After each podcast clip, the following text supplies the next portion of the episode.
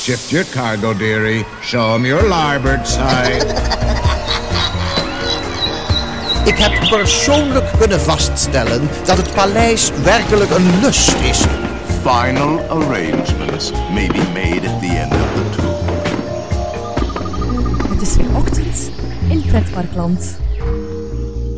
Goedemorgen pretparkland en welkom bij je ochtendelijke pretpark podcast. Mijn naam is Erwin Taats en samen met Jelle Verhelst doe ik vanochtend een greep in de post van de afgelopen weken.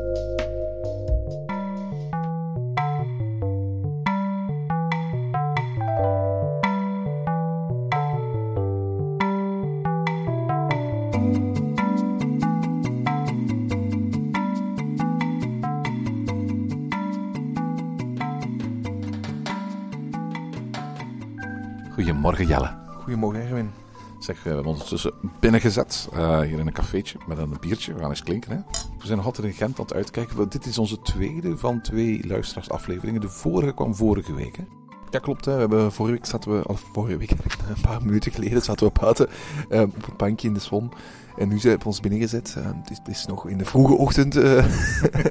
Dat concept, hè. ja, en, en ehm, we hebben net gezegd we een, een biertje hebben genomen in de vroege ochtend. Ja, ja, ja, ja Belgisch ontbijt, hè. Belgisch ontbijt, hè, Jelle. Goed, eh, in ieder geval, eh, dus, eh, we, we zijn klaar om, eh, om de volgende berichtjes te lezen. Ja, voilà, absoluut. En het eerste berichtje dat we eh, kregen, kregen we van Niels Vekeman uit Antwerpen.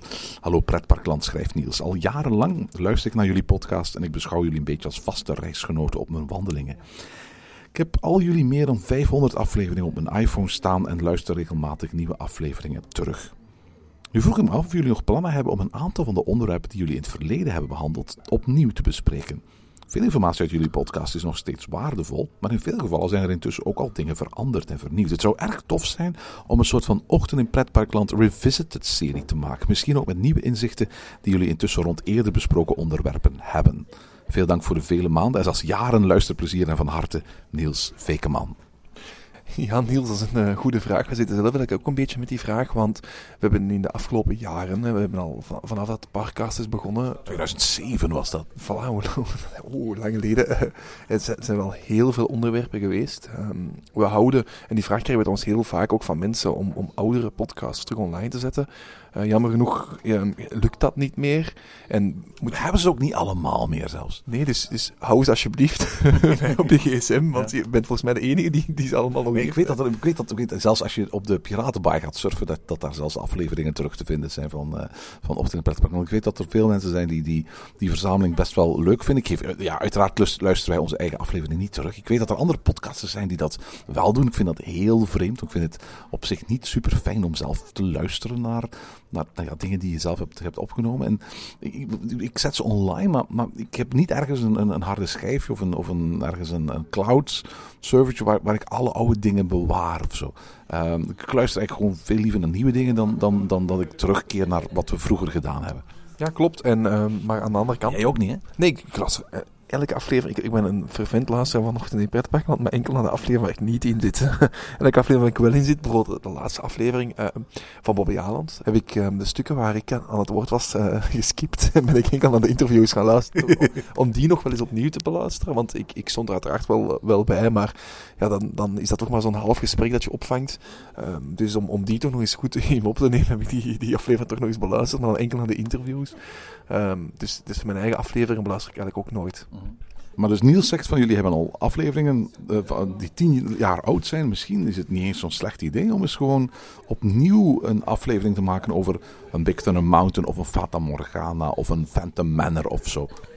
Ja, uiteraard. eh, Misschien dat we dat ook moeten, moeten doen, want de onderwerpen geraken ook wel stilletjes aan op, denk ik. Eh, het, is, het is moeilijk om, ehm, om, om blijven over ja, pretparken. Wat uiteindelijk... Het is, je kan er veel over vertellen, maar je kan er niet oneindig veel over blijven vertellen. Weet je wat het, wat het ook is? Hè? De onderwerpen worden bijna minder interessant. Want als je bij wijze van spreken toen met onze podcast begonnen, dan konden we eigenlijk kiezen uit alle mogelijke achtbanen en pretparken en, en, en dark rides om acht, en attracties over te doen. Dus we konden de eerste weken van een parkkast gingen over Vliegende Hollander en Rock'n'Roller Coaster en, en en, en dat soort dingen meer. En na een tijdje besef je, ja, je hebt alle goede onderwerpen gehad. En dan, dan, dan maak je nog podcasts over nieuwigheden. We hebben eerder dit jaar eh, een werkbezoek aan Bellewaarde, een, een, eh, een bezoek aan eh, eh, Bobby Allen naar aanleiding van, van eh, Land of Legends dat, dat bekendgemaakt wordt. Komt nog zo meteen een mail over. Maar je kunt niet meer bij wijze van spreken blijven attracties van het, van het type Pirates of the Caribbean of Phantom Manor of zo eh, als, als onderwerp kiezen. En uiteraard, er komt de, snelheid waarmee parken nieuwe attracties openen, is natuurlijk kleiner dan de snelheid waaraan wij podcasts maken. Ja, toen, toen wij begonnen met Ochtend in Pretparkland, eh, hadden we zelfs, eh, ja, er kwam er elke dag een korte aflevering van, van Ochtend in Pretparkland. En dan was het bijvoorbeeld de Anubis Week. En dan werd er een week lang enkel en alleen afleveringen over Anubis gemaakt. Dat was de eerste week van Vanochtend in Pretparkland. Het eerste seizoen, de eerste week, waren een reeks van verschillende afleveringen waar we met verschillende mensen hebben gepraat. En dat culmineerde uiteindelijk in de opening eigenlijk en de ritbeleving van, van Anubis The Ride zelf. Ja, nu proberen we die allemaal samen in één podcast te steken. Dus we hebben ook langere afleveringen waar ook meer in verteld wordt in, in één aflevering. Anderzijds, het hoeft ook geen anderhalf uur te duren. Eh, als, je, het- als je het kort kunt zeggen, eh, waarom er urenlang over doorbomen? Nee, ik denk een, een goede Ochtend in Pretparkland aflevering is nooit langer dan een uur.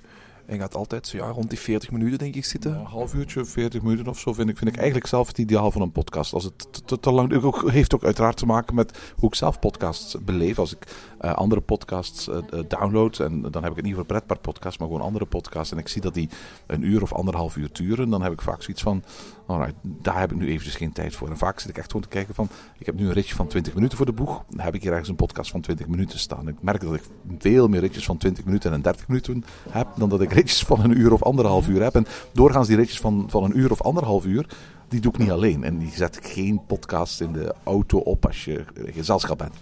Ja, wij zijn ook geen echte nieuwspodcast. Hè. Nu met, eh, ehm, met, met het beluisteren, eh, het beantwoorden van enkele vragen van jullie, ehm, behalen, behandelen we even het nieuws. En als er iets nieuws is en worden uitgenodigd, dan gaan we ook wel eens een aflevering maken. Maar we gaan niet nu nog eens elke aflevering opnieuw, in, of in, in onze toekomstige aflevering, nog eens tien keer kunnen terugkomen op vuur in Bobbejaanland. We gaan dat, dat is niet de bedoeling van onze podcast. We We gaan waarschijnlijk wel een verslagje doen van de opening. Van, en dan is dat in principe afgelopen. Stel dat daar twee of drie maanden later dan ergens iets mee gebeurt of iets aan verandert. Ja, daar, daar bestaan dan andere podcasts voor die dat nieuws kunnen, kunnen behandelen. Maar dat is dan niet meer de taak van Ochtend in Pretparkland. Nee, hè, ik denk dat wij achtergrondverhalen goed op, of, of achtergrondverhalen willen vertellen van attracties, dat wij ehm, Analyses willen brengen eigenlijk. Hè. Mhm, Ja, klopt, klopt. En dan ehm, past nieuws er niet altijd in, in thuis. En En daarom is het ook zo, denk ik, dat ehm, onze afleveringen aan de ene kant een, een langere gebruiksduur hebben.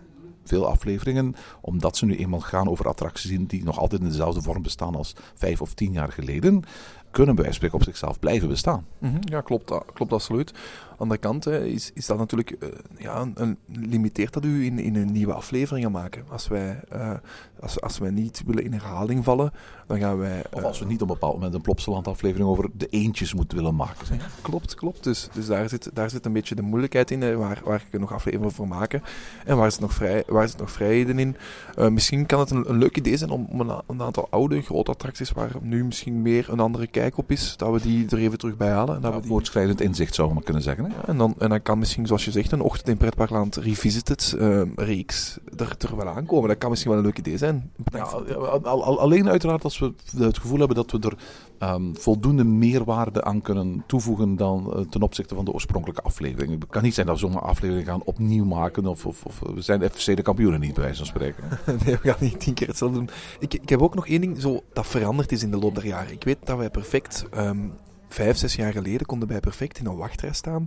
En konden wij perfect in een wachtrij een, een, een ochtend in pretpark een aflevering opnemen. Dat wordt moeilijk, hè? Ik heb echt het gevoel dat de laatste tijd, hoe, meer, hoe langer hoe meer eh, dat we dat proberen, dat dat niet meer goed gaat. Dat, ehm, dat, dat wacht, in, in wachtrijen ehm, andere mensen daar heel irriterend op reageren en echt proberen te storen. Iets wat ze vroeger veel minder deden. Ehm, wanneer, wanneer we ergens op een bankje gaan zitten, of zoals nu op café, dan lukt dat perfect. Als we in een pretpark op een bankje gaan zitten, lukt dat soms ook. Maar dan komen daar vaak toch ook mensen langs die, die ja, zich interessant willen maken, precies. En dat, Zou dat komen omdat dat men meer vertrouwd is met het fenomeen van eh, mensen die op vrijwillige basis podcasts, vlogs, et cetera, gaan opnemen in de werkelijke wereld? Dat men vaker met vloggers, podcasters geconfronteerd wordt? Ja, maar dan zou je net denken dat, daardoor gewoner is en dat daardoor minder raar erop. Ik weet, ik weet het niet. Er wordt echt heel vreemd op gereageerd soms. En, ja, en, en dat is jammer, want we moeten nu echt. We kunnen, ik, vroeger was Ochtend in Pretparkland ook soms in, in tijd. dan, dan was dat onze wachtrij. Dat was onze wachttijd. En, dat was, en soms moesten we dan even een, een knipje erin doen. op het moment dat we in de attractie stapten. En namen nadien nog even verderop. Maar dan als je een uur wachttijd had, had je dan een uur gevuld met het opnemen van Ochtend in Pretparkland. Nu als we naar een pretpark gaan, gaan we, gaan we toch bewust zeggen, we gaan het niet meer in een wachtrij doen. We gaan ons aan een tafel zetten of we gaan ons op een bankje zetten. En we gaan het hier opnemen. Misschien moeten we daar zo'n soort vermomming voor bedenken of zo. Hè? Nu, nu werken we natuurlijk met een zichtbare microfoon, maar als we op een of andere manier een daspeldmicrofoon zouden hebben, als we op een of andere manier een eh, vestimentaire keuze zouden maken waardoor alle bekabeling weg zit of zo, dan ziet het er misschien meer uit alsof wij gewoon met elkaar aan het praten zijn eh, en zijn mi- microfoon en zo niet zichtbaar. Dus je moet je dan ook zo die oortjes en altijd het uit je oor op je, je hand op je oortje zo. nee, ik weet het niet, eh, maar in ieder geval. Is, eh, dat, is, dat, dat is mij ook wel opgevallen. En ik merk ook dat we het zelf steeds minder doen. En wat ook interessant is, is dat in alle jaren dat we Ochtend in Pretparkland gemaakt hebben, een parkkast, dat het eigenlijk maar letterlijk bij spreken in de eerste acht, zeven seizoenen, misschien twee, misschien drie keer gebeurd is, dat we gevraagd zijn, wat zijn jullie aan het doen? Door bijvoorbeeld parksecurity of een parkmedewerkers. Of expliciet gevraagd zijn van, willen jullie ermee ophouden? En dat was bijvoorbeeld eh, toen we onze aflevering over Pandadroom maakten. Toen zijn we echt letterlijk gevraagd om eh, eh, met onze opnames te stoppen. Ook al hadden we ons helemaal achteraan in de, de attractie gezet, zodat, eh, zodat we eigenlijk niemand stoorden. En dat ook op een, hadden ook ervoor gekozen om op een rustige dag te doen, eh, waarbij er zo goed als niemand in de hoofdshow aanwezig was. Waardoor we echt wel tijdens de opnames over de film heen konden praten. Eh, maar daar is echt toen een medewerker naar ons gekomen en gevraagd van, kijk, jullie moeten dit nu stopzetten. Het afgelopen jaar, anderhalf jaar, zijn we zeker vijf, zes, zeven keer door security aangesproken. Eh, om te vragen van wat zijn jullie aan het doen? Wat is dat apparaat? Wat, wat, wat doen jullie hier? Dus eh, misschien ook omwille van het feit dat parken wat wantrouwiger geworden zijn ten opzichte van mensen die gaan broadcasten of narrowcasten. Bij ons is het alleen maar audio, maar ook misschien met video. eh, dat, dat security weer ergens op een of andere manier wat eh, kritischer is geworden daarop. Het is in elk geval iets dat met de democratisering van zowel de, de podcast als de vlog, dat mij eigenlijk is opgevallen. Dus en, en vandaar dat we ook misschien vaker ons wat terugtrekken in een café of in een stad, in plaats van het gewoon in een, in een park te doen. En dat is ook jammer natuurlijk. Ja, of in een stil hoekje in een park. Hè. Ik denk, ehm, wat, wat me ook opvalt, is, en dat is misschien net positief, is dat, in, dat, dat wij ook veel vaker moeten rekening houden met de muziek die er speelt, dat die niet te overheersend is. Terwijl dat vroeger ook veel minder het geval was in mijn gedachten. Dus ik denk dat ook Ja, daar... Het is ook zo, steeds meer parken investeren in, in, in parkmuziek op alle mogelijke plekken. En eh, dat, is, dat maakt het ook niet altijd gemakkelijk. Nee, Dus eh, het wordt moeilijker voor ons, maar, maar eigenlijk wordt het beter voor ons. Dus het is een, het is een dubbeltje op zijn kant. Absoluut. Maar in elk geval, eh, Niels, het is, een, het, is, het is een leuk voorstel. Het is ook een idee waar we zelf mee spelen. Eh, hoe dat dan concreet in zijn werk gaat, dat gaan we nog wel eens bekijken. Maar het lijkt me inderdaad wel leuk om, om eens wat diepgaandere afleveringen te maken over eh, attracties die we wel degelijk in het verleden al besproken hebben. Maar dan misschien vanuit een invalshoek die we bij een eerste behandeling weinig of niet hebben eh, gehad. En bijvoorbeeld, dat zou kunnen zijn dat we een analytische aanpak eh, eh, doen. Eh, onze eerste afleveringen waren vaak heel erg beschrijvend. Ik zeg maar iets, een aflevering waarbij we een rondje Fata Morgana maakten en ons min of meer beperkten tot vertellen wat we zagen en de geschiedenis van de attractie. Beetje historische achtergrond. Dat soort afleveringen worden, denk ik, zeker wat betreft Efteling steeds minder interessant. Omdat je die, nu ook die geweldige Eftepedia-encyclopedie hebt. En de bedoeling kan natuurlijk nooit zijn dat je als het ware gewoon een soort audioversie gaat maken van dingetjes die je gewoon op het internet kunt gaan opzoeken. Dus vandaar dat dat, dat analytische misschien wel een interessante eh, eh, invalshoek is. Waarbij als het ware de kennis die je hebt van die attractie, maar ook van andere attracties, maar ook van narratologie, de manier waarop verhalen verteld worden eh, en, en dat soort dingen meer, een aanvulling kan zijn, een nieuwe kijk kan bieden op diezelfde attracties. En dat is misschien wel een invalshoek eh, die ons wel ligt. Dus, met, met, met, dus verwacht niet bij spreken dat we zomaar een, een oude parkast of ochtend in pretparkland opnieuw gaan opnemen. Eh, daar, dat gaan we niet doen. Maar die andere invalshoek, dat, dat, dat lijkt me eigenlijk best wel een, een leuk idee. Ja, ehm, we hebben ook nog andere mails gekregen. En eentje daarvan komt van iemand die ehm, zijn naam niet, liever niet genoemd wil hebben in de aflevering. Dat gaan we ook respecteren.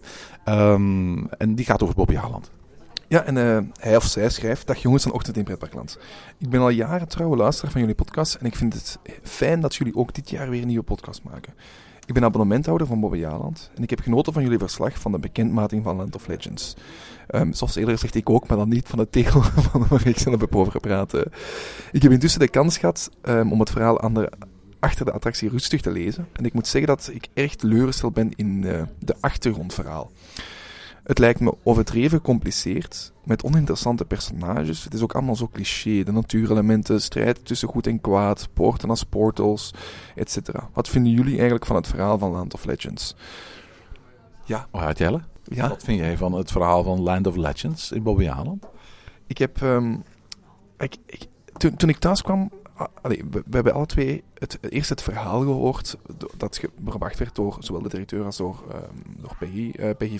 De, Creatief eh, leider van het project. voilà. En zij vertelde het verhaal. En na een minuut hebben we eigenlijk gezegd: van hier gaan we niets van kunnen herhalen in de podcast. Want inderdaad, het is gecompliceerd. Er zitten heel veel namen in. Er zitten heel veel.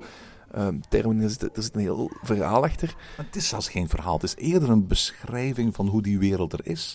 En hoe die wereld er gekomen is. Het is niet zo dat er soort van beginpunt is, een midden en een einde. Het is van, kijk, dit is de wereld en die bestaat uit vier elementen met portalen. Daar zijn een aantal personages en dat is het. Mhm, Ja, klopt. En het is, dus het is moeilijk om, om dat verhaal of, of dat ja, tekst te volgen.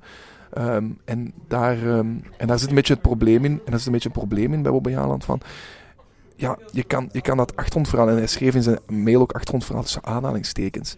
Ehm, je kan dat wel beginnen lezen en je kan het wel overbrengen, maar het is niet, het is, en dat is ook letterlijk gezegd geweest, het is niet de bedoeling dat elke bezoeker dit verhaal meekrijgt. Het is geen verhaal dat verteld wordt via televisiescherm, dat verteld wordt in die attracties. Nee, het is een achtergrondverhaal dat er is om, de, om, oh ja, om aan thematisering te kunnen doen. En we zijn vaak, hier in de podcast hebben we al heel vaak gezegd van, zo'n verhaal moet er wel zijn, want als zo'n verhaal er niet is, dan doe je maar op. En, dan, en dus het is goed dat, er, dat dat toch een beetje vasthangt aan elkaar. En aan de ene kant is het heel gecompliceerd met heel veel moeilijke termen, heel veel moeilijke namen. En vooral Engelse namen. Ja, en, maar aan de andere kant vind ik het ook een beetje makkelijk.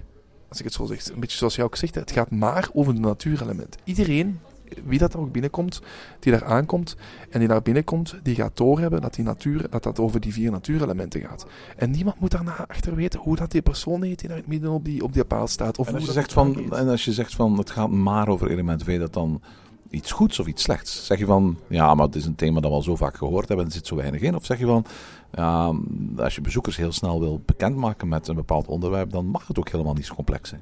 Op de manier waarop Bobby nu doet, om te beginnen, niemand, er is geen park in de buurt dat rond de vier elementen werkt. Dus Eh, Efteling heeft bij wijze van spreken water en vuur bij Joris. Heeft vijf elementen die gebruikt worden door de vijf ridders van Ravelijn om te strijden tegen Draconicon. Ja, oké. Maar niet in die grote mate vind ik als, als waar. Dit is een themagebied dat neer wordt gezet.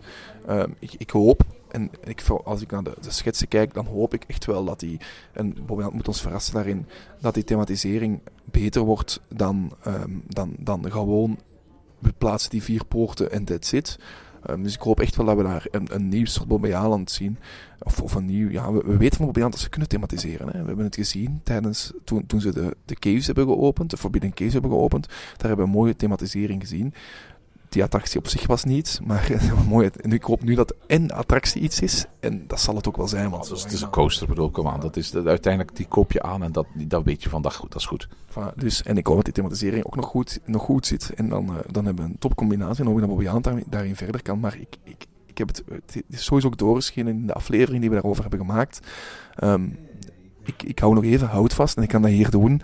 Ehm, want ik heb echt schrik dat het, Bob, het is Bobby Haaland erover praten. Hè. In het verleden, ze moeten zich echt bewijzen, want dat hebben ze in het verleden nog niet gedaan. En daar heb ik gewoon schrik voor. Ze hebben al heel vaak aan storytelling willen doen. Toen Mount Mara geïntroduceerd werd, dan kwam dat met een heel verhaal. Toen het Adventure Valley gedeelte geopend werd, dan kwam dat ook weer met een heel verhaal. Het verhaal van Jasper Dubois en de Forbidden Caves, daar werken ze graag mee. Die, die komen dan in hun foldertjes, daar komt dan wat tekst bij. Dat zie je ook vaak in bijvoorbeeld hun, hun, hun Halloween-huizen. Daar voegen ze echt een soort van verhaal aan toe. Maar eens je er bent, dan verdwijnt dat verhaal eigenlijk totaal. Het, gevaar daarvan is natuurlijk dat je als bezoeker alleen maar willekeurige beelden, en willekeurige poorten en willekeurige burchten en een willekeurige draak gaat zien. Maar dat je daar eigenlijk bij wijze van spreken geen verbindend element kunt in zien. Het verhaal is het verbindend element tussen vier attracties in dat themagebied. En ehm, dan zou je kunnen zeggen van ja, wat, wat, wat is de meerwaarde van een verhaal te hebben als je het niet aan de bezoeker gaat duidelijk maken? Ja, maar die verhaallijn is nodig om een mooi geheel te maken. Het is niet nodig om, zoals bij de caves, ehm, dat verhaal te vertellen aan de mensen. Bij de caves wordt het verhaal echt verteld. Daar wordt echt gezegd, kijk, ehm, wij, nu niet meer, want nu hebben ze die voorshows afgeschaft. Maar er was een filmpje dat speelde helemaal in het begin van die attractie. En als je dan verder wandelde, en dan had je die mensen die dat verhaal helemaal vertelden, voor de lift, in de lift, na de lift, in die, in die voorshows. Dan nog eens als je aan het wachten was, en dan had ik vier voorshows die je kreeg. Ja, Wat enorm veel personeel kost volgens mij, maar ook dat verhaal heel hard verteld wordt. Nu wordt dat verhaal verteld op tv-schermen. Alsjeblieft, Bobby Allen, doe dat niet. Vertel het verhaal niet op tv-schermen. Dat is niet nodig. Laat de thematisering spreken voor het verhaal. En dan moet je het verhaal niet te gecompliceerd zijn, dat er allemaal namen aan zitten en zo verder. Allee, dat maakt mij niet uit dat hij, of dat die man nu Jasper Dubois heet, of dat hij nu, weet ik veel, Erwin Taats heet. Het maakt mij niet uit. Als, maar, als het maar gaat om, als het maar duidelijk is aan de mensen, we zitten hier in een grot en we gaan hier op, op verkenning gaan. En dat is het idee wat je moet hebben. En ik denk, door die vier poorten, door het verhaal, eigenlijk een klein beetje marginaal simpel te houden. Hè? Want dat is het eigenlijk. Hè? Het, zijn maar, het zijn gewoon de vier natuurelementen, die moeten niet met dwang gehouden worden. Dat is eigenlijk het enige wat je moet meegeven aan de mensen. Bestaat er niet verhaal dat men gewoon gaat zeggen van, oh, daar heb je de tyfoon. Oh, ze hebben gewoon een, een poort gezet richting de tyfoon. Oh, daar staat sledgehammer. Oh ja, er staat nu ook gewoon een poort naar de sledgehammer. En, oh ja, goed, om, om, eh, ze hebben nu ook nog twee andere poorten gezet naar die nieuwe waterspeelplaats en naar die nieuwe achtbaan. En in het midden staat er een beeld van een eh, krijger of van een strijder. Ehm, wat hij daar precies staat te doen, dat weet ik niet. Hopelijk is het mooi. En daar houdt het zo'n beetje op. Ja, maar voor mij moet het verhaal niet altijd 100% verteld worden. Als jij gewoon het verhaal meekrijgt een klein beetje op de manier, en als het goed gethematiseerd is op, de, op die manier van, kijk, ik zie hier die vier poorten. Die vier poorten gaan volgens mij duidelijk genoeg zijn dat het over vier elementen gaat. Het, zijn, het gaan verschillende poorten en je gaat daar naartoe komen en je gaat zien van, oké, ik ga hier naar die vier elementen kunnen wandelen. En ik ga vanaf hier die vier elementen, en natuurlijk gaat, is het nog altijd maar gewoon de tyfoon en gewoon de sledgehammer. Maar het gaat er juist om dat ja, dat, je moet toch niet aan de tyfoon gaan zitten van, oh, nu is de tyfoon ineens een verhaal waarbij dat je wint. Allee, dat werkt ook niet meer op die manier, denk ik. Het, het, het, het, het is er, het achtergrondverhaal is er, het idee is er. En mensen die het willen weten, gaan het weten. Want die gaan het opzoeken, die gaan, die gaan er wel achter komen. En mensen, en elke andere bezoeker gaat gewoon een mooi gethematiseerd gebied zien. Ik heb, ik heb trouwens wel het gevoel dat we het verhaal nog niet gehoord hebben. We hebben wel tot nu toe de beschrijving van het gebied gehoord. Hoe het gebied en waarom het gebied eruit zal komen te zien zoals het eruit zal komen te zien. Maar ze hebben uiteindelijk aan een, Britse jeugdschrijfster gevraagd om een verhaal te schrijven. En volgens mij, als je een verhaal schrijft, dan denk je niet alleen in termen van locaties. Je denkt ook in termen van personages die ergens iets meemaken. Ergens op een bepaald moment voor een bepaalde uitdaging staan. Via die uitdaging ergens een, een, het, het kwaad verslaan of in een volgende fase terechtkomen. En daardoor ook een persoonlijke transformatie doormaken. Dat is een klassieke verhaalstructuur. Dat heb ik totaal nog niet gehoord. Ik weet ook niet wie de helden zijn of wie de hoofdfiguren zijn. Eh, Tot nu toe heb ik vooral een beschrijving gehoord van de locatie zoals die er straks uit zal zien. En waarom die locatie eruit zal zien zoals die eruit zal zien. Ja, klopt. Hè. We zijn benieuwd, we zijn nog afwachtend. En het is daarom dat ik zeg, hè, houd vasthouden. Bobiant heeft eh, ondertussen nog, eh, heeft, heeft al bijna een maandje minder sinds de laatste keer dat we het erover hebben gehad. Ik weet niet hoe ver we nu staan. Ik zou er eens dringend nog eens moeten langsrijden om te kijken of er al iets in de lucht is gegaan. Eh, ze hebben gezegd dat in maart zeker de achtbaanstukken kwamen. Dus we zijn benieuwd wat er de volgende weken allemaal gaat komen. We ontvingen ook nog een mailtje van Fantasialand. Eh, de mensen van de ehm, marketingdienst hadden daar onze podcast over de parkhacks ehm, beluisterd. En dachten we dat het leuk was om een aantal aanvullende opmerkingen te maken. Ik dacht van, hé, hey, dat is tof. Ehm, eh, laten we een aantal van de aanvullingen die we op die afleveringen hebben binnengekregen van Fantasialand ehm, ehm, eventjes eh, ook met onze luisteraars delen. Binnenkort komen er trouwens nieuwe afleveringen in die reeks uit. Dus het zou eigenlijk heel erg tof zijn mochten al die afleveringen beluisterd worden door de parken in, in kwestie. En dat ze dan ook allemaal reageren. Ja, ik hoop dat we nog veel insight tips krijgen dan. Voilà, absoluut, dat zou heel tof zijn. Dus we hebben er, we hebben er inderdaad een aantal bij, bij gekregen. Ehm, ik, ik ga dit eigenlijk min of meer voorlezen zoals we het ontvangen hebben. Ehm, als je die aflevering niet gehoord hebt, dan gaan de meeste van die opmerkingen weinig of geen steek houden. Dus het kan interessant zijn om eventjes onze aflevering over Parkhacks van Fantasieland opnieuw te beluisteren voor deze reacties eh, beluistert. Leuke aflevering, zo zijn Fantasieland. We willen nog even reageren, niet om beleren te zijn, maar om jullie inzicht te vergroten. De Lenterbach is een waterloop die ontspringt onder Black Mamba. Die gaat dan via Buizen door Mexico en Kloekheim naar de zuidkant van Mystery Castle en komt daar boven de grond. Onder de tweede launch van Taron loopt een buis onder een iets wat schuine hoek in een dragende kooiconstructie en daar stroomt de Lenterbach door. Als je de tuin van Mystery Castle inloopt en je gaat rechts het grasveld op, dan zie je het water het park uitstromen, waarna deze na een tijd overgaat in de Gaaldorferbach en via allerlei ondergrondse beekjes in de Rijn uitkomt. We hadden het ook eventjes over een dropconstructie, eh, waarvan een filmpje op, op internet eh, te zien eh, was, die uit, oorspronkelijk voor RiverQuest bedoeld was, althans dat beweerden wij, maar dat bleek niet zo te zijn. Hij schrijft, eh, het filmpje van de dropconstructie van RiverQuest is niet voor RiverQuest bedoeld. De beoogde val van RiverQuest betrof een klappend luik waarbij één kant op gelijke hoogte bleef en de andere kant in het water viel. Bij het filmpje op internet is er sprake van een vlak dat in zijn geheel naar omlaag valt, zoals bij 13 en Verbolten. Dat was niet wat Fantasieland voor ogen had. Dat is wel interessant, want het bevestigt in elk geval wel dat er een, een drop-element in RiverQuest bedoeld was, dat er uiteindelijk nooit gekomen is. De reden om op zondag niet te varen met Wakobato is een geste van het park. Wij noemden het een, een verplichting, maar dat, dat blijkt het niet te zijn. Fantasieland kiest daar zelf voor. Ja, dat vind ik eigenlijk wel... Allee, dat is toch wel nieuwe informatie. Want, we hebben altijd al gedacht, of ik wist, dacht dat ook altijd, dat Fantasieland echt op zondag niet met Wakobato mocht varen voor lawaai-overlast. Ehm, hetzelfde met dat Wakobato niet, eh, niet, niet nat is, om, om met de buren niet te veel last te krijgen. Maar blijkbaar geen verplichting, maar een geste. Vind ik eh, tof informatie. Ja, absoluut. En ook tof van Fantasieland dat ze het op die manier eh, regelen. Om diezelfde reden schrijft hij ook, is de muziek in Temple of the Nighthawk niet erg luid, want het gebouw heeft geen isolatie. De reden dat er geen vaste elementen in de vijver aangebracht mogen worden, is omdat het onderdeel uitmaakt van het Natuurschutzgebied. Dit gaat over de waterkwaliteit en over de dieren die hier leven. Er zwemmen trouwens joekels van vissen rond. Fantasieland laat ook weten dat het reserveringssysteem van de restaurants onlangs is aangepast. Er wordt nu geboekt voor een tijdslot van twee uur. En mocht men langer willen blijven zitten, dan kan dat natuurlijk. Er is altijd ruimte om te schuiven. Op een bepaald moment vertelden we in de aflevering over de ijsshow. En ik vertelde dat op die plek vroeger een dolfinarium was. En hij bevestigt hier dat het water als het ware bevroren is. Want onder de ijsvlakte zijn de bassins van de dolfijnen nog aanwezig. Deze zijn nooit dichtgestort. De ijsvlakte ligt dus op een grote dragende constructie. Wisten jullie verder dat Fantasieland veel meer onderkelderd is dan je wel zou denken? Beide hotels bevatten één of meerdere lagen kelder. Heel Chinatown is onderkelderd, onder andere de kleedruimtes voor het personeel.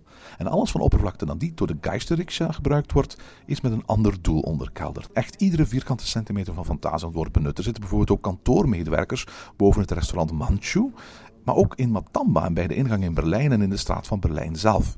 In het lifthill-gebouw van Black Mamba is de ruwbouw voor kantoorruimtes aanwezig, maar deze zijn nooit verder afgemaakt. Mochten we ooit krap komen te zitten, dan kunnen we die alsnog gaan gebruiken. Ja, eigenlijk is dat wel grappig. We, we weten al van, van Fantasia, of heel vaak van die bouwen alles op, over en naast elkaar. Nu blijken de kantoorgebouwen ook nog eens op, over en zelfs in, In de lifthill, hè? in, in attracties te zitten. Dus dat is echt wel eh, absurd eigenlijk. eh. ja.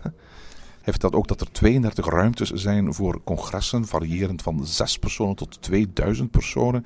En, dat ze daarvoor ongeveer 40 koks in vaste dienst hebben. En dat Fantasieland de hele event catering zelf doet. We hebben een eigen patisserie. Als je bijvoorbeeld met iemand in de hotels verblijft en een verjaardag viert, dan kun je van tevoren een, een taart bestellen met bijvoorbeeld een opschrift. Hij schrijft ook dat in de Berlinestrasse, ter hoogte van de zogenaamde muziekwinkel, reclame staat voor een boekwinkel op de muur. En die verwijst naar een plek om de hoek. Is puur thematisatie, maar dagelijks zijn er mensen die op zoek gaan naar die boekwinkel en dan aan de achterkant van Wintergarden uitkomen waar niks te zien is. Een ander leuk feitje is dat hij vertelt dat als je heel goed luistert naar de muziek, de nieuwe muziek van Talokan, dan ga je horen dat het eigenlijk de mineurversie is van het thema van Chiapas. Het is eigenlijk het Chiapas themaatje, maar dan in een mineurtoonaard, wat een leuk weetje is eigenlijk om vast te stellen. Zeg, mensen van Fantasieland, bedankt voor deze waardevolle aanvullingen. Ehm, we hebben heel veel positieve respons gehad over die, op die eerste Parkheks aflevering. Binnenkort komt er een tweede aflevering aan. Het is tof om de bezieling van de mensen van Fantasieland te horen eh, in de manier waarop eigenlijk de informatie die wij hebben ter beschikking gesteld aanvullen. Dat is eigenlijk wel tof dat een, dat een park daarop reageert en dat die dan ook nog met een, een, beetje inside informatie komen. Hè. Dus eh dank om deze podcast eh ja, rijger te maken eigenlijk. Goed, we hebben ook nog een mailtje gekregen van eh, Ferdy van Liemt. Beste ochtendmensen, schrijft hij. Ja, ochtendmensen. Voor alle duidelijkheid, dat zijn we eigenlijk. Ik bedoel, we, gaan, we zijn hier onze illusie compleet aan het verstoren. Maar ik ben, de, ik ben een avond- en nachtmens. Ik, de, s ochtends, als ik niet op moet, dan ben ik niet uit mijn bed te branden. Nee, maar goed, ehm, er, is een En jij tijd, ook niet, hè? er is een tijd geweest dat, we, dat je altijd om zeven uur s ochtends opstond om de podcast online te Juist, inderdaad. Laten we het daarop houden. Ja, hij schrijft zo verder. hè. Van elke podcast geniet ik met volle teugen. Hopelijk gaan jullie nog een, eh, heel lang hiermee door. Zelf heb ik tot 2017 16 jaar voor de Efteling gewerkt als senior gastheer bij attracties Reizen en Anderrijk. Maar werkelijk waar de finesse, nuance en objectiviteit waarmee jullie zaken kunnen beschrijven, is enorm prettig aan. In mijn huidige baan zit ik veel op de weg en met de huidige verkeersdrukte mogen jullie van mij een part nog heel veel podcasts maken. Heel erg bedankt. De vriendelijke groeten, Ferdi. Is eh, een leuk mailtje leuk om te horen. Ja, heel erg bedankt, Ferdi. We, we, gaan, we hebben jouw mailtjes er eventjes uitgehaald. Ik, ik weet dat er andere podcasts zijn die letterlijk... En het is absoluut geen klacht, maar dus elke positieve tweet die over hen gestuurd wordt gaan retweeten. Of elke eh, positieve mail die gestuurd wordt ook gaan voorlezen. Dat zit niet in ons DNA. Is dat Vlaamse bescheidenheid? Of is dat een soort van achterdocht van... Gaan onze luisteraars dat wel interessant vinden? Want ik, ik geef eerlijk toe, op het moment dat ik een, een, een Twitter-account volg bijvoorbeeld... is dat vooral om nieuwe dingen te horen en niet bij wijze van spreken de complimenten te gaan herlezen die aan die, die Twitter-account worden gegeven. Maar we lazen deze mail heel graag voor, eigenlijk om alle luisteraars te bedanken, die ons via Facebook, die ons via Instagram, die ons via Twitter een, een complimenten sturen of gewoon een, een, een, schouderklopje van jullie zijn goed bezig, we luisteren graag naar jullie podcast. Ja, blijf dat zeker doen. Hè. Ik, ik luister ook graag, of ik lees ook graag de reacties van jullie en um, het is leuk. Dat zo allemaal in de gaten zo, wat er allemaal, ja, ik... jij bent zo de, de Twitterman van ons hè? Ik heb een, uh, een, uh, een tweet en daar loopt een uh, ad pretparkland of een, gewoon een pretparkland search op. Ja, ja, ja. ja. dus, die, die, dus, ik hoor het dan van jou als, als er dingen binnenkomen. Die krijgen we wel te zien, dus dat zijn wel leuke reacties, ook op Facebook. Het zijn, zijn altijd wel leuk. Dat is, dat is tof om af en toe eens een reactie te krijgen. zeg, een mailtje van, ik zeg, op, via Facebook kregen we een reactie van Stef Naats en die schrijft, dag Erwin en Co, Plopsaland bouwt momenteel aan een nieuw hotel. Ik ben jaren geleden een keer in de pannen geweest en hoewel het een tof en mooi park was, kan ik me amper of niet voorstellen dat er veel mensen zijn die er meer dan één dag kunnen doorbrengen. Wat denken jullie? Is het niet veel te vroeg voor een Plopsaland hotel? Bedankt voor jullie reactie en voor jullie geweldige podcast, Stef. Ja, veel te vroeg. De vraag is, is het ooit, gaat Plopsaland ooit meer worden dan een dagfilmpark? Ik kan mij wel voorstellen dat de komende jaren er regelmatig nieuwe attracties gaan bijkomen. Plopsland heeft onder andere al bekendgemaakt dat ze van plan zijn om, om, om binnenkort uit te gaan pakken met een grote nieuwe achtbaan die als opvolger van Anubis aangekondigd uh, wordt. En, ze hebben daar een, een nieuw Heidi-themagebied een paar jaar geleden toegevoegd met een, met een coaster. Er is ondertussen een waterpark bij, er is een, een theater ondertussen bijgebouwd met, waar, waar regelmatig shows worden gehouden. Is dat ondertussen niet al meer dan dagvullen? Ja, ik, maar ik weet niet of het park genoeg... Allee, of, of ik twee dagen na elkaar op stand zou doen. Ik weet niet of dat... dat is een andere vraag natuurlijk. Maar het hotel is volgens mij niet alleen gericht op Plopsaland. Hè. We zitten in de pannen. We zitten op uh, vijf minuten met een tram van het, van het strand. Je zit uh, vlak in, duinen, in duingebied. Um, maar aan de andere kant is het dan niet logischer als je daarvoor naar de pannen zou willen gaan, dat je gewoon ergens een hotelletje met uitzicht op het strand en de zee kiest. Ja, maar ik denk dat zo'n hotel van, de, van Plopsa wel een, extra, een extraatje kan bieden. Je zegt van, kijk uh, mensen, het is, niet, het is niet aan de zee, maar je zit hier wel vlak aan het zwembad. Misschien dat je ook wat toegang hebt tot het zwembad. Ik vermoed ook dat het één groot aaneengesloten geheel zal, zal worden. Dat je vanuit het hotel naar Plopsaqua gaat kunnen gaan. En Plopsaqua is al aangesloten aan het Plopsa Theater. Theater is al aangesloten aan het indoorpark Mayaland. Op die manier zijn ze daar echt wel een heel mooi indoor complex aan het bouwen. Hè? Ja, klopt, klopt zeker en vast. En ik denk dat dat dan wel een extra, ja, een luxueuzere bestemming kan zijn dan wanneer je ja, een appartementje huurt aan zee. Ik denk dat daar wel een, een publiek voor is om, om zo dicht bij ja, dat park te zitten. En minder dicht bij de zee, maar wel dicht bij dat pretpark, bij dat waterpark, bij de tuin aan de overkant van de straat. Dus ik denk dat je echt wel voldoende toeristische trekpleisters in de buurt hebt die een dag kunnen, kunnen vullen. En ik denk dat Plopsaland er alles zal aan doen om die mensen zoveel mogelijk binnen hun eigen gebied te houden. En ik denk dat op die manier wel een, wel een extra toe of, of een toevoeging kan zijn voor Plopsa. Wil dat zeker dat daarom het park groot genoeg is om daar twee dagen in rond te lopen? Daar heb ik wel mijn twijfels bij. Ja, maar zou dat eigenlijk de bedoeling zijn? Want je moet ook denken aan de doelgroep van Plopsaland. Hè? De doelgroep van Plopsaland, dat zijn jonge gezinnen met jonge kinderen. Het typische van dat doelpubliek is dat heel ver rijden niet meteen de optie is. Als je van ver in Nederland of zelfs van ver in België helemaal naar de pannen moet gaan rijden, dan ben je een eentje onderweg. En dan is s'avonds nog terugkeren misschien niet de ideale oplossing. En dan, dan, dan kan gewoon de aanwezigheid van een hotel een reden zijn om te gaan denken van, ook al gaan we maar voor één, één, één dag, uh, we weten dat we in elk geval niet meer naar huis terug moeten keren, maar gewoon daar ter plekke in een hotel kunnen gaan overnachten. Nee, heb je absoluut gelijk. Maar Stef zijn vraag was, is het hotel, is, het park niet groot, niet te klein voor een hotel? En daarin ons antwoord, wel, het is te klein volgens mij. Of, of het is niet de bedoeling dat mensen daar twee, drie dagen gaan in doorbrengen. Maar het hotel heeft wel zijn bestaansrechten. Maar we horen toch al lang dat bijvoorbeeld Toverland ook een hotel wil bouwen. Ik geloof zelfs dat ze dat half en half zelfs bevestigd hebben dat er eentje komt. Is, is Toverland dan zoveel uitgebreider dan Plopsland qua aanbod? Nee, maar dat zeg ik op, opnieuw. Heeft Toverland het bestaansrecht om daar, of, of heeft Toverland het recht om te zeggen: hier gaan we eens twee, drie dagen, gaan we eens een pretparkreis zoals we naar Europa Park doen, zoals we naar Disney World doen? Ja, ook niet, hè? Ik denk, en, en zelfs, de Efteling heb ik mijn twijfels bij of dat mensen daar twee, drie, drie dagen dag in dag uit in dat pretpark zitten. Efteling blijft een, een, een eendagspark voor pakweg 250 dagen per jaar. Als jij een midweek boekt ergens bij wijze van spreken in februari of in maart in het Loonse Land of in het Bosrijk of in het Efteling Hotel, dan heb je dat park echt wel op één dag gezien hoor. En dan, dan stel ik me daar soms vragen bij van, wat doen die mensen die andere twee dagen daar? Ja, dat vraag ik mij soms ook af. Maar goed, dus het blijkt dat het toch werkt. En, ehm, en daarom denk ik dat, dat het hotel geen bestaansrecht heeft qua... Allee, of, of dat het pretpark niet meteen hotel nodig heeft, maar het hotel heeft wel bestaansrecht door alles wat er in de omgeving te doen is. Door inderdaad, zoals je zegt, mensen die van verder komen en niet meteen terug naar huis willen over een, over een weekendje, een kort een, een short trip van willen maken. En we zien ook gewoon, dat is nu eenmaal zo, dat, dat meer en meer mensen van die kortere uitstappen gaan maken. Waar dat ze eens één nacht ergens slapen of twee nachten ergens slapen. Het is daarom ook dat in de Efteling het allemaal zo goed draait. En vergeet niet, bedoel, die short breaks. Eigenlijk is het zo dat, dat uh, Plopsaland daar op dit moment twee gates heeft. Hè. Ze hebben en het Plopsaland Park en ze hebben Plops Aqua. Waar je ook enkele uren kunt gaan doorbrengen. Dus je kunt je bijvoorbeeld perfect voorstellen dat je um, een dagje Plopsland gaat meemaken. Vervolgens s'avonds lekker gaan buffetten in het, in het uh, restaurant. Goed gaan slapen. Volgende dag uitslapen, ontbijtje. En vervolgens bijvoorbeeld Plops Aqua enkele uren gaan, uh, gaan doen. Daarna nog eventjes een, show met Samson en Gert of zo. Of, of, of Kabouter Klus uh, meepikken in, het, in het theater.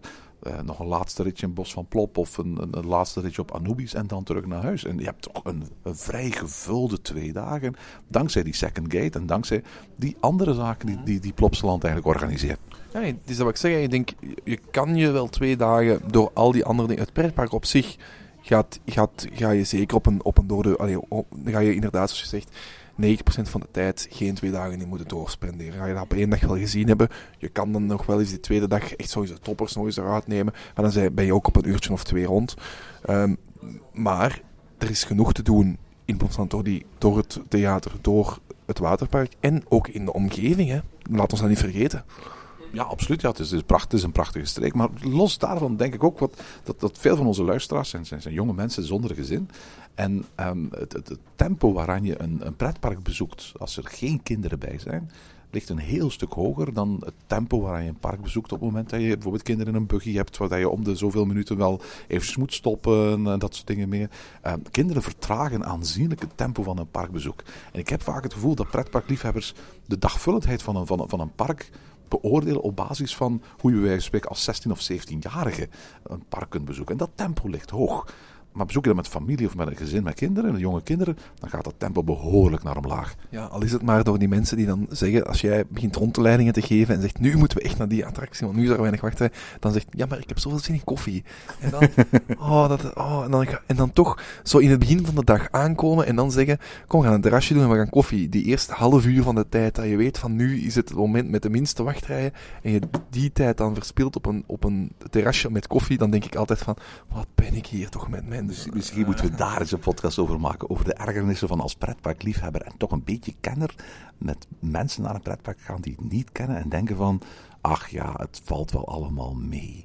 Uh, en dat is, dat is best wel een hele andere beleving. En ook verhalen die je dan hoort van die mensen. En dat, uh, dat lijkt me ook wel eens een leuke aflevering om, om, om, om het over te hebben. We hebben heel veel inspiratie. En de mensen die ons vorige week en deze week mailtjes stuurden, veel dank voor de input. Uh, we horen jullie binnenkort terug. Blijf luisteren, blijf reageren. Heb je in deze aflevering nog steeds geen reactie gehad op jouw mailtjes of zo? We hebben er nog een heleboel klaar zitten. Dus we komen eraan. Ja, en dan kunnen we nog eens in Gent afspreken of zo. Of in een pretpark. Ja, in een pretpark. Dan kunnen we nog eens een terrasje doen, maar niet in het begin van een dag. En tot zover deze aflevering van Ochtend in Pretparkland. Heb je vragen of opmerkingen? Mail ons dan via ochtend.pretparkland.be. Meer informatie over onze podcast vind je terug op www.pretparkland.be en nieuwe afleveringen download je via onze website of via iTunes. Ochtend in Pretparkland is de pretparkpodcast voor vroege vogels. Bedankt voor het luisteren en maak er een fijne dag van.